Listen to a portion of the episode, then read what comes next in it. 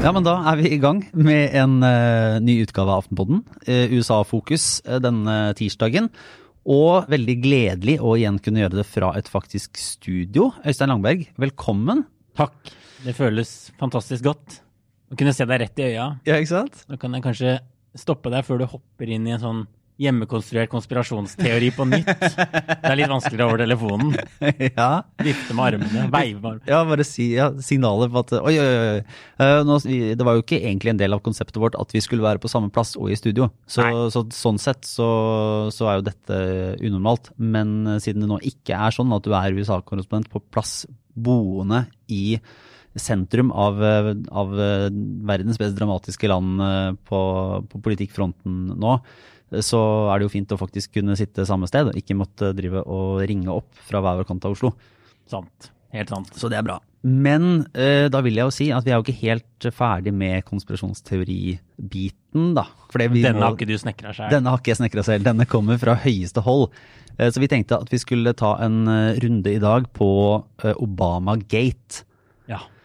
Som er det siste store presentert av Donald Trump. Relativt kortfattet, men under en slags raptus uh, her, uh, som en del av veldig veldig mange twittermeldinger på kort tid, der han ja. fyrte seg opp. Jeg tror, ordet, jeg tror ordet, har eksistert eh, liksom, i, i, underskogen på Twitter ganske lenge, men Trump tok det opp liksom, på, for noen uker siden. Begynte med, med en retweet, tror jeg, og så har han begynt å si det og tvitre det ganske mye selv. Han twitra det mange ganger. Og han har jo blitt spurt om hva Obamagate er, hva er det han mener, og så sier han bare at dette er helt åpenbart for alle. Uh, så jeg har brukt ganske lang tid på å prøve å skjønne, skjønne hva det er nå. Det er ikke helt åpenbart for Nei. alle. Før vi på en måte går inn og prøver å nøste dette, fordi ja. det, så kan vi jo slå fast at dette er ikke noe veldig håndfast politisk eller konkret som vi i dag kan analysere. Så, så man, ved at vi gjør dette til et tema, så biter vi jo på en måte på Donald Trumps jeg vet ikke om du skal si det er en strategi, for det er alltid litt vanskelig å vite hva han mener. men men han lanserer noe som vi egentlig ikke vet hva er, og så ender mediene opp med å snakke om det og skrive om det. Ja. Og dytter potensielt unna andre ting. Ja. Og sånn sett så er det et dilemma om man skal gi det oppmerksomhet eller ikke. Ja, og det har jo vært eh, behørig dekket på Fox News og på en del av disse høyre, høyresidemediene i USA, men det, er ikke så, det har ikke ligget på toppen av New York Times i ukevis.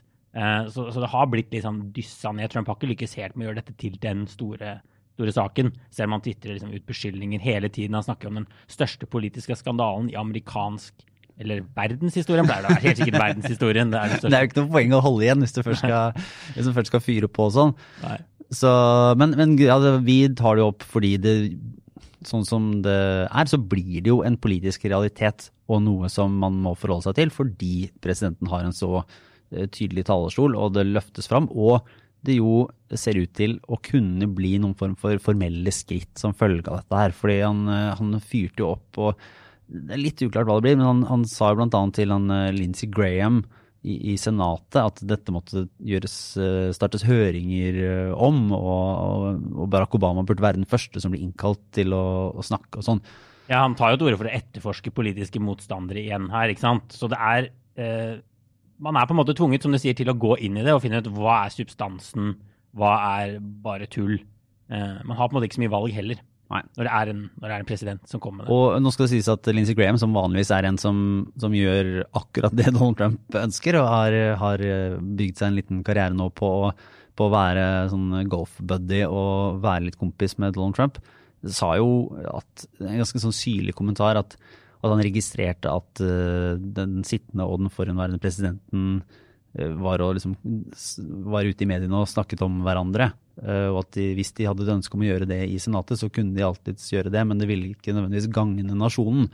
Og, og måtte, åpnet liksom motvillig at man skulle se, inn, se på dette her, men kanskje ikke med så mye pauker og basuner som det Donald Trump på Twitter ønska. Og det er ikke sikkert Trump egentlig ønsker seg en formell etterforskning heller. Det kan godt hende at han bare ønsker, som han har gjort mange ganger før, som er en strategi, og bare liksom så usikkerhet eh, gjøre at støttespillerne bare kan rope Obamagate når Obama dukker opp på skjermen.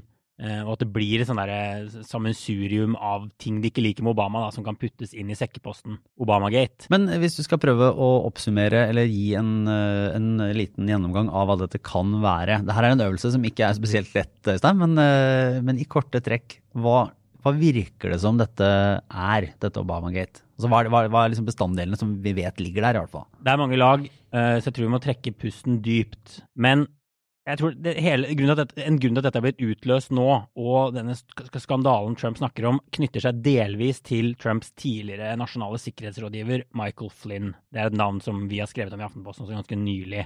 Fordi Michael Flynn var sikkerhetsrådgiver i den perioden fra Trump var valgt i 2016 i november, til han skulle tas i ed i januar 2017, for en stakket stund så hadde han denne helt sentrale jobben i Trump-administrasjonen. Men, men, han hadde vel altså Det var tenkt at han skulle fortsette også, var det ikke det? Jo, jo, ja. han, han, skulle ha den jobben. For det var på en måte en, overgangs... Altså i denne perioden der man uh, samkjører uh, ja. og på en måte deler informasjon og får ting i gang, ja. så var han allerede på plass og var uh, begynte å ja, drive med et eller annet. Ja, han begynte å drive med et eller annet. Og, Obama-administrasjonen hadde innført sanksjoner mot Russland fordi Russland hadde hacket og påvirka ja. det amerikanske valget. Men Russland svarte ikke på de sanksjonene. Og det var det veldig mange som syntes var merkelig. Og så viste det seg at Michael Flynn, før han jo formelt var utenrikstalsperson for USA, hadde snakka med Russlands ambassadør og bedt han ikke innføre sanksjoner eller vente med motreaksjoner. Så han hadde begynt å føre amerikansk utenrikspolitikk uten egentlig å ha tatt over, tatt over ennå. Og så ble han spurt om disse samtalene av eh, visepresidenten og FBI, og så løy han om de samtalene. Altså, ja, for han sa at uh, Det er litt uklart akkurat hva han skal ha sagt i de samtalene, er det ikke det? Han... Jo, jeg tror det er uklart hva han skal ha sagt i samtalene, mm. og hva han skal ha sagt til FBI, men han ble jo i hvert fall han, Det ble jo startet en stor etterforskning, ikke sant? Fordi Michael Flynn hadde løyet om disse samtalene til FBI. Og bare for å ta enda et lag, da. Grunnen til at, grunnen til at eh, FBI og etterretningsmyndigheten i USA visste hva Flynn hadde sagt i samtalen med den russiske ambassadøren, er at de har sånn kontinuerlig overvåkning av den russiske ambassaden. Så de, så de, får med seg en del, og normalt så er det da anonymisert i disse etterretningsdokumentene hvem de amerikanske uh, folkene er som snakker med russerne. Det er liksom meninga at man skal etter, altså, overvåke ja, russ, russerne. Ja, altså, hvis det er en uh, tilfeldig si, en restaurant, eller hvis det er en uh, venn eller noen andre som er en samtale med den russiske ambassadøren, så skal ikke de uh, dukke opp i all slags papirer med hva de har sagt, eller hva slags interaksjoner de har hatt. da. Nei. Så en del av denne skandalen er også da mange i Obama-administrasjonen, eller da skandalen i hermetegn, at mange i Obama-administrasjonen ba om å få vite navnet bak sladden på hvem som hadde snakka med den russiske ambassadøren. Såkalt mm. avmaskering, kaller de det. Eh, og det mener de også at var makt over Trump så kort tid før, før en annen administrasjon skulle ta over. Nettopp, eh, ja. så, så, så, det er på en måte noe av kjernen her. Og det som jo nylig skjedde, er at flynetterforskningen har gått sin gang, men så sier Trumps justisminister at nå er den flynetterforskningen skal avsluttes. Det var ingenting her likevel, selv om jo Flynn har løyet til, til FBI. Ja, og erkjent at han har løyet. Det, det var på en måte ja. det var klart. Ja. Selv om han ville ha trukket den ja. Eh, den innrømmelsen i etterkant, da, bare for å gi ytterligere en liten uh, twist, til det. twist til det. Og liksom Hovedanklagen fra republikanerne mot demokratene er at Flynn ble lokket inn i en felle. Altså Flynn gjorde det han gjorde med å snakke med den russiske ambassadøren. FBI har ikke gode nok anklager mot, Trump, nei, mot Flynn for å, for å, ta ham på det. Men de lurte ham i en felle, fikk han i hermetegn til å lyve, og så gikk de etter ham for det i stedet. Det er det republikanerne, republikanerne ja. mener. Men det er på en måte undersøke det faktum at Flynn gjorde dette med ambassadøren og løy til FBI.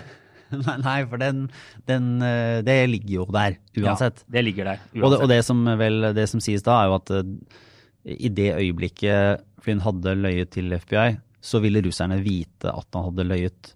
på en måte, Fordi russerne satt jo i andre enden av den samtalen og, og, vet jo hva som har blitt sagt. Og dermed så har de, et, har de noe på Flynn. da ja. Eh, som de eventuelt kunne pressa med dersom han fortsatte som, som uh, sikkerhetsrådgiver. Og det, det, som jo var spennende og rart den gangen, var jo at uh, både visepresident Mike Pence, som jo ble, også ble løyet til og gikk offentlig ut og avviste disse anklagene før det så ble, så ble kjent, så, så, fikk jo Flynn sparken. Ja, for det var jo Trump-administrasjonen som ga Flynn sparken ja. en gang i tiden. Det var jo ikke noe FBI fant på for å ha løyet til, til liksom toppene i ja. Trump-administrasjonen. Så, så, det er en ganske sånn ja, sammensurium av en sak, men det er tydelig at Trump nå vil ha Flynn inn i varmen igjen. Og han, Trump har hele tiden hevdet at, at, det har vært en stor konspirasjon mot Trump Bush-administrasjonen og Trump helt siden starten. ikke sant? FBI, Obama-administrasjonen, alle har rotta seg sammen for å forsøke å ta knekken på, på Trump. Men han klarte likevel å bli valgt, og etter det så forsøkte de å, å gjøre overgangen mest mulig vanskelig. Så er det i det bildet der de nå prøver å liksom, ja, fremstille den Flynn-saken på en litt annen måte. Men igjen så er dette liksom Det er selvfølgelig konspirasjoner, og bare den der at alle har jobba mot Trump hele tiden, FBI bare ville gjøre det de kunne for ikke få ham valgt. Det krasjer jo litt med det faktum at FBI begynte å gjenåpne den e-post-etterforskningen til Hillary Clinton bare sånn kort tid før valget, og som antageligvis kan ha vært en ganske stor bidrags, ja, bidragsfaktor til at hun tapte mot Trump. ikke sant? Så det, altså det er mange sånne hull. Det er vel lett å stikke hull i, i alle disse konspirasjonene. Men, ja, ja, men som en god konspirasjonsteori så er det jo noen fliker av ting de kan ta tak i. Det finnes jo bl.a. et dokument fra noen uh, i systemet som, ja, i FBI, ja. Så, ja, som stiller de... spørsmål ved om, om uh, prosessen mot Flynn, som er et sånn internt dokument som er sånn OK, skal vi, skal vi faktisk uh, få, liksom, få, informasjon ut av ham, eller skal vi få ham til å lyve? Ja. Og det ser jo altså alle sånne, alt, alt, sånt ser jo ganske skittent ut i etterkant. Ja. Tatt ut av kontekst så ser det ut som de setter opp en felle for Trim, for, for Flynn, og han, han går, går, rett i fella deres. Så det er ikke sikkert det er feil å, å kikke på noen av de tingene her, men det å, å, sette det i sammenheng med at hele Obama-administrasjonen konspirerte, nærmest gjorde et kupp Det er jo sånne an, an, anklager som er kommet. Det virker jo bare, det er bare tatt helt, helt ut av det blå.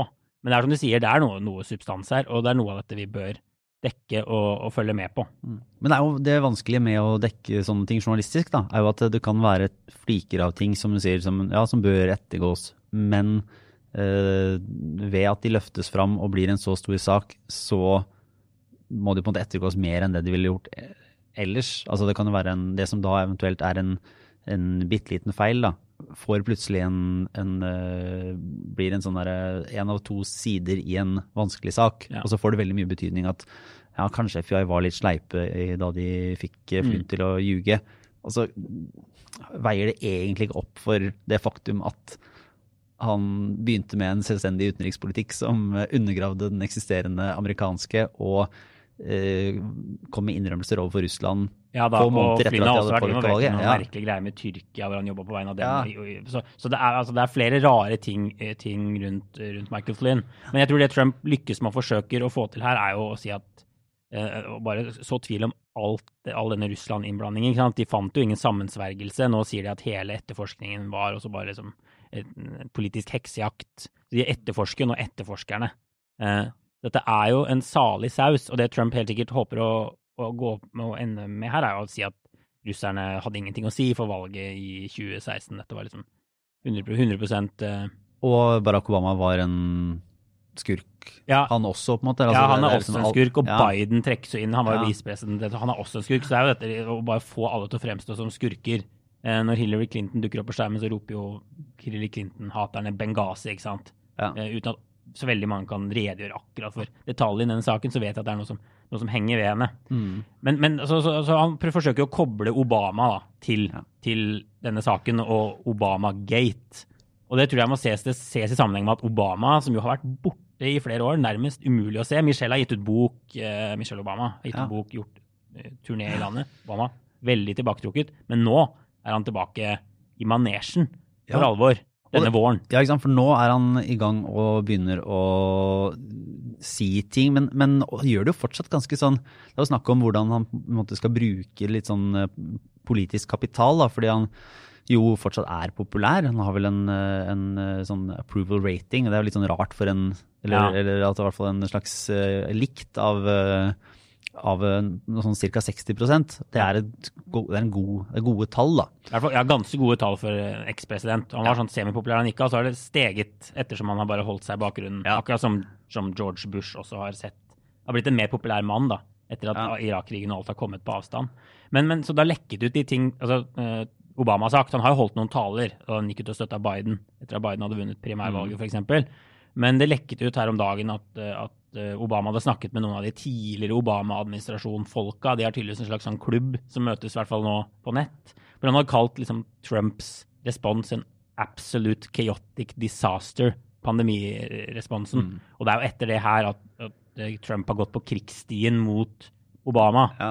Uh, og det er lett å glemme den gamle feiden. Trump har jo vært besatt av Obama i, ja, i flere tiår. Mm. Han har pusha den teorien om at Obama egentlig ikke var født i USA i det hele tatt. At han var en illegitim president. Og den fantastiske var det i 2011, der i forlengelsen av det her, at Barack Obama sabla ned Donald Trump på denne White House Correspondence Dinner, som er en sånn presse- og politikksamling, der, der ofte ser presidenten holder en tale som er både selvironisk, men også ganske frekk. og kan, på et format der man kan være litt, ja, eh, litt en... Eh, friere. Da. Og da fikk Donald Trump gjennomgå skikkelig. Og ja, det, har jo blitt brutal, ja. episk takedown. Og når man hører på de De lager jo podkast, alle som har vært var i Obama-administrasjonen, og det er jo en sånn vits de har nærmest. Hvem skrev de vitsene? Hvem er det som egentlig har skyld i at Trump ble president?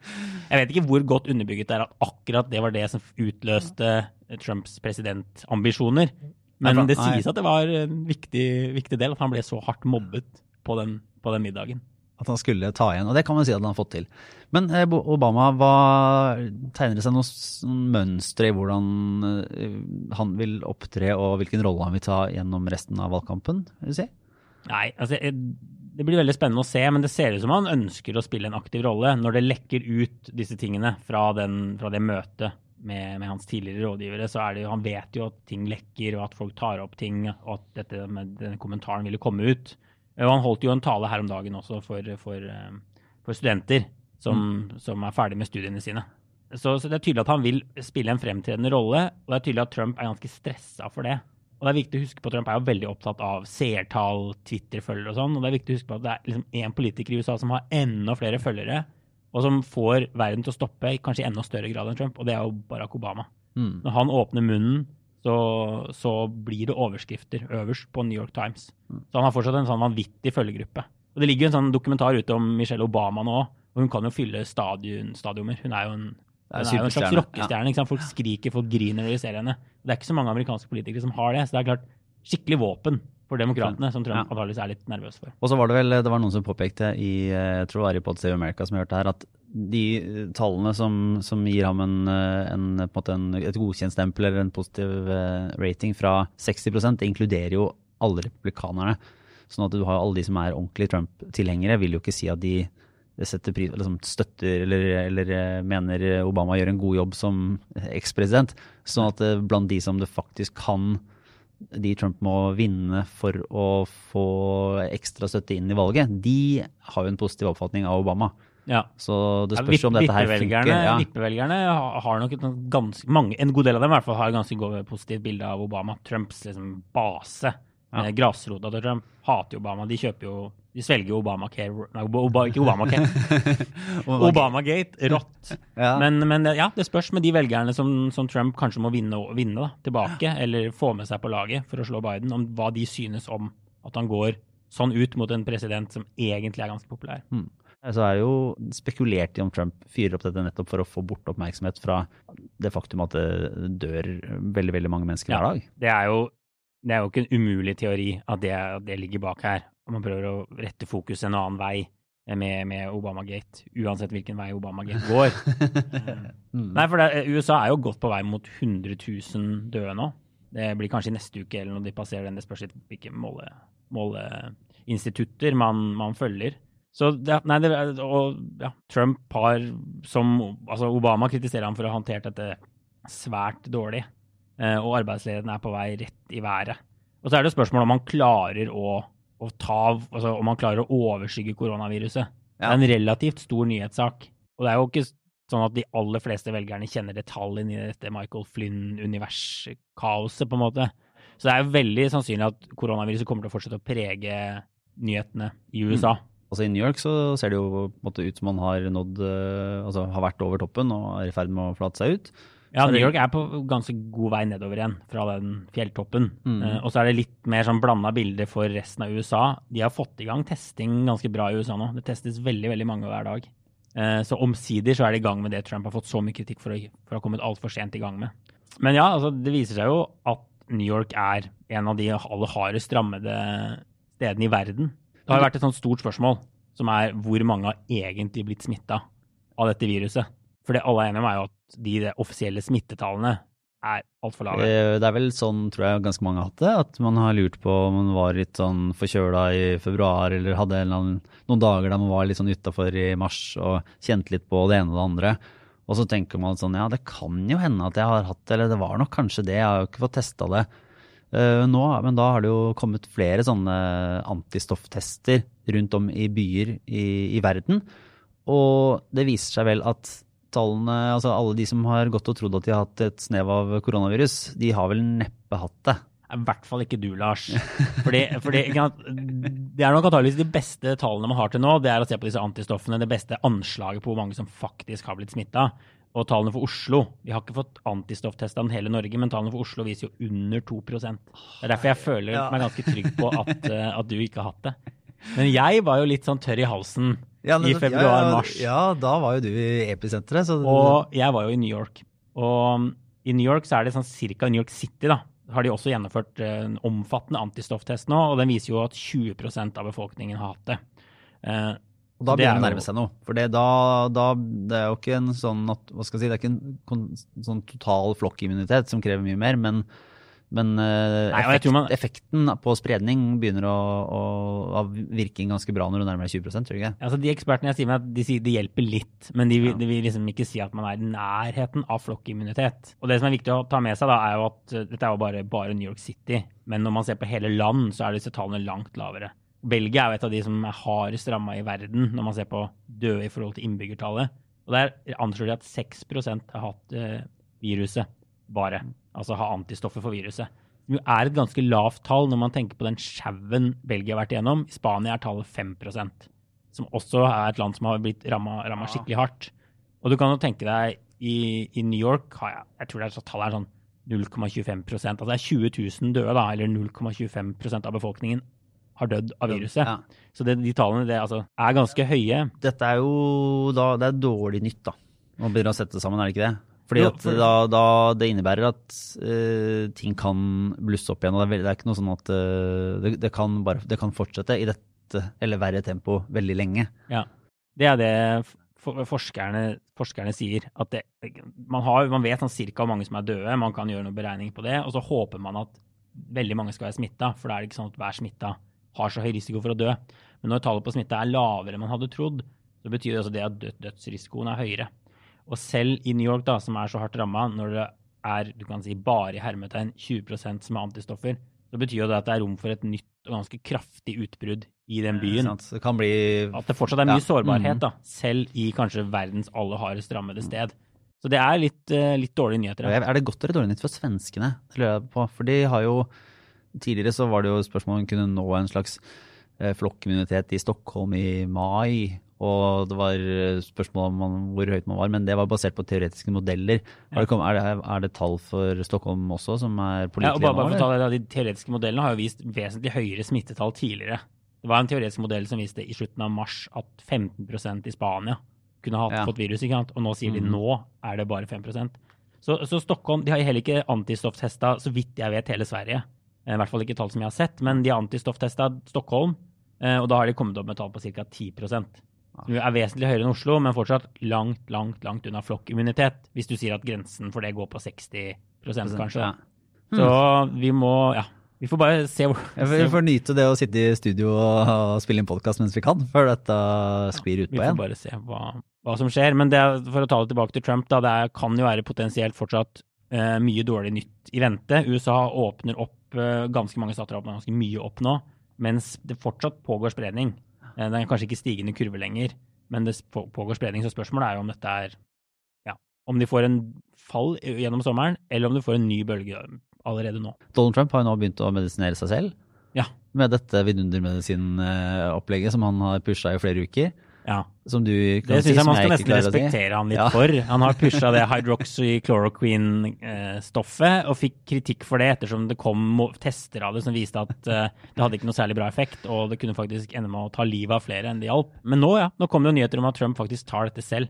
Så vidt jeg skjønner, selv om han ikke har koronaviruset, nærmest som en sånn preventiv, preventiv greie. Ja, det er jo fint at han, ja, som du sier, at han, at han lever måte opp til sitt ord. Da. At Han bruker i hvert fall ikke folket som en forsøkskanin lenger, og så nekter å ta det selv. Nå er han en forsøkskanin selv. Ja. Så det er jo kanskje noe hedelig over det. Så er, ja, og så er legene i, eh, delt på om det vil både ha noen effekt å ta det i forkant av en smitte, og på om det er noen spesielt god idé at eh, både hvem som helst og alle skal drive og ta det. Men eh, skal vi runde av med en eh, kjapp runde med obligatorisk refleksjon? Ja, jeg syns det. Ja, jeg kan egentlig begynne med en eh, liten anbefaling av en eh, tekst som jeg skal dele på Facebooken og som jeg skal sende ut i nyhetsbrevet, som er en eh, mediekommentar i New York Times som går litt i rette med en, en journalistikkhelt fra de siste årene, nemlig Ronan Farrow, som jo har skrevet bl.a. om Weinstein og var med og skrev en sak i New Yorker som var den avslørende saken sammen med New York Times da, i, Ja. i oktober eh, 2017. Eh, Men eh, det er jo en liksom, historie rundt Farrow, som jo både da er sønn av eh, Woody Allen og Mia Farrow, så han er jo en slags stjerne. Han var altså, eh, kom inn på universitetet som 13-åring eller noe sånt, og var i Utenriksdepartementet og har skrevet flere bøker og er jo et sånn en eh, wonderboy. Ja. Men eh, denne kommentaren stiller da spørsmålet Is Ronan Farrow too good to be true? Og eh, stiller noen spørsmål med hans journalistiske metode, som jo er bl.a. blant annet å skrive ganske sånn historiefortellende eh, veldig, altså Han skriver godt. Han, eh, han, han har et ordentlig godt språk. og Jeg leste en eh, Catch and Kill, er det den heter, som er, handler om hvordan eh, nyhetssaker kjøp, ble kjøpt opp av eh, National Enquirer, den uh, tabloidavisa, og måtte bare lagt i en skuff for at kjente personer ikke skulle bli uthengt. da. Og, og forteller også historien om Weinstein-jobbinga, der han klager på at NBC, den eh, TV-kanalen som han var i, i først, ikke ville gå videre med Weinstein-sakene. Det lå der, men de ville ikke ha det. Og, og Farrow spekulerer jo da at det skjer pga. press fra, uh, fra Weinstein. Og i denne teksten i, i New York Times så får jo Farrow da kritikk for å en, komme med litt sånn konspirasjonsteorier som ikke nødvendigvis kan underbygges. Og så har det vært i forbindelse med Weinstein-rettssaken så har det også vært etterforskninger av noen av de sakene han har omtalt. Og da er det ikke sånn at Farrow er en ljugemaker og juksepave som finner på historier og alt mulig rart, men som går ganske sånn spisst og presist inn i noen journalistiske dilemmaer i metoo-dekningen, eh, der det dreier seg om hvor åpen man er om hvor informasjonen kommer fra, og er veldig åpen på tvilen i disse, disse sakene. Og det påpekes jo da at eh, Farrow kanskje ikke har, ikke har vært åpen om hvor vanskelig det er å, å bedømme sannhet i noen av de spørsmålene han har løfta fram. Da. Jeg, jeg kjenner ikke detaljene i, i, i disse tingene godt nok. Han har jo utretta store ting med bl.a. Weinstein-saken. Han er et sånt kaliber av journalist som bare ikke finnes i Norge. Vi har jo hilst på ham begge to da han, da han var i Oslo. Han er jo sånn ja, Er han modell? Han er i hvert fall superstjerne. Ja, og vi, altså, han- da, da, jeg bare hilste på han så vidt, altså, men da var han veldig høflig og hyggelig, så det var ikke noe sånn nykkete der. Men det var åpenbart at han lever et helt, helt annet liv. Jeg tenker Nærmeste parallellen må være sånn som noen sånn NRK-kjendiser hadde det i Norge på eh, 60- og 70-tallet. Da man både var nyhetene, eller liksom Ja. eh, reiste ut i, i verden og kom tilbake og fortalte historier. Og den derre eh, Farrow har jo alt av nettverk og eh, er ekstremt veltalende, veldig smart og skriver disse enormt engasjerende bøkene og tekstene og har alt på, på Ja. stell. da. Ja. Kanskje Tintin er en god sammenligning, egentlig. Som reiser rundt i verden. Tintin har jo også litt sånn tvilsomme journalistiske metoder av og Ja, til, må man kunne si. Veldig Ja. delaktig i sin egen journalistikk. Ja, tar av og til noen snarveier. Det, er- det, er- da stiller jo hele byen opp når han kommer hjem, og tar han imot som en sånn superhelt. er helt, ja. Det er ingen som gjør det når jeg kommer til Norge. Nei, det er, det er, vi, vi lever i, i skyggen av dette her, begge to. Øystein. Men eh, det er, det er egentlig ikke noen sånn karakterdrap på Ron Farrow. Det er ikke nødvendigvis sånn at en skal så tvil om hans motiver eller måte å drive journalistikk på, men det er bare det er veldig nyttig når noen tillater seg å pirke i også heltenes måte å gjennomføre jobben på. Da. Og, og alle, antageligvis, alle gjør jo feil. Så, så det er ikke sikkert at Farrow er noe verre enn andre, men det var interessant å lese noen som går inn i det. Og jeg ser for meg at at man som eh, Også i New Yorks eh, journalistikkverden så er det en viss sånn risiko eh, som henger ved å pirke i og utfordre noen av de absolutte stjernene. Så det er, gøy å lese. Jeg har også en liten obligatorisk refleksjon fra New York Times Magazine, som ikke må forveksles med The New Yorker eller The, eller New York Magazine. Dette er New York Times sitt, sitt helge, helgebilag, er det Ja. vel egentlig. Som hadde for noen uker siden et intervju med Brad Parscale, som er Donald Trumps valgkampsjef i 2020. Og som har en veldig fascinerende historie. Folk bør egentlig følge ham på Twitter. Veldig cocky.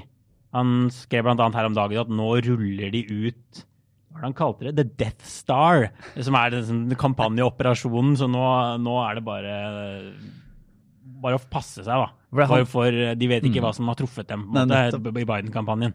Fordi, men altså, han var i, i, i 2016 så var han, han var sånn, altså, litt sånn ansvarlig for digitale prosesser og vært sånn Ja, og eh, Facebook og, ja. og, og, og egentlig det som han har blitt frem, altså frem, trukket frem som en sånn en av stjernene, en av hjernene egentlig bak, bak Trumps valgseier i 2016. Det å mikro ja, mikrotargeting heter det vel egentlig. Mm. Eh, å målrette sånne Facebook-annonser, teste knapper, teste farger, teste alt. De finner liksom det som, som klikker mest for akkurat den lille målgruppen. Men det som er interessant med Parscale, er at han, han har jo ikke noen ekstremt imponerende bakgrunn. Han ble henta inn eh, lenge før Trump eh, skulle prøve å bli president, som en sånn webdesigner for Trump-organisasjonen. Og tilbudet hans var så lavt og billig, sier det i denne saken i, i, i The New York, eh, New York Times Magazine, at, eh, at Erik Trump, eh, sønnen til Donald Trump, ringte og spurte om det var riktig, eh, det tilbudet han hadde gitt. Men han sa det var det, da. Så han var jo liksom en, en webdesigner for Trump-familien ganske lenge. Og så har han bare steget i gradene og fått denne sånn helt sentrale rollen. Og han er ikke, sånn, han er ikke den klassiske hva skal si, filmnerden. Er? Han har en sånn framtoning som en mer en sånn nesten sånn amerikansk fotballspiller. Altså, Ja, og kjører litt liksom. fine biler, og, Ja. og Trump er visst litt sint for noen sånne saker som hadde beskrevet skrevet om Parscale, og tror han må saksøke han, da, hvis noe dårlig meningsmålinger for litt Ja. siden. eh, Har det blitt rapportert, da.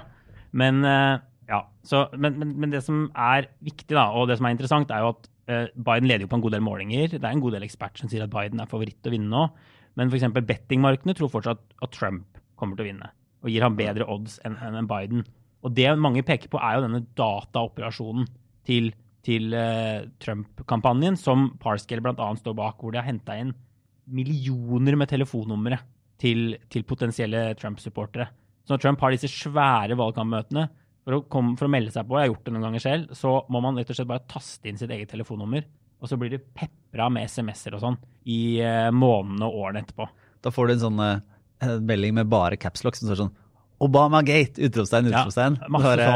Masse sånn, så de, De sier at der har bare Trump-kampanjen bare en helt vanvittig forsprang på Biden på sånn data, datainnsamling, og det, det innrømmer gamle, gamle Obama-strateger også. Eh, så, så Parscale kan definitivt bli en, en helt sånn sentral figur i 2020. Så det er verdt å lese litt om, om denne fyren. Nettopp. ja, men Da skal vi dele den eh, lenken der også. Eh, Jeg tror vi egentlig nådde veis ende, jeg. Fra, fra oss eh, her for denne gang. Det dukker jo stadig opp noe nytt før eh, neste uke, vil jeg tro. Så får vi se om det er noe utvikling i Obamagate. Plutselig så, det, så dukker det opp en, eh, en rykende pistol, og så viser det seg at vi har tatt altfor lett på dette her. Eller så kan det bare blåser over og blir nok en av de sakene som Trump fyrer opp i løpet av en uke, og som dør hen. Men da har vi i hvert fall prøvd å rydde litt for oss selv og for andre om hvordan dette henger sammen. Ja. Det, er, eh, det er fortsatt ikke Åpne for at det ble mer rot enn det ble rydding. Men Ja. vi prøvde. Ja, det, det, altså, av og til så må man bare gjøre et forsøk og se hvor det ender. Og forhåpentligvis har det gitt litt mening. Ja, men Det var fint, Øystein. Da takker vi oss for denne gangen. Ha det bra.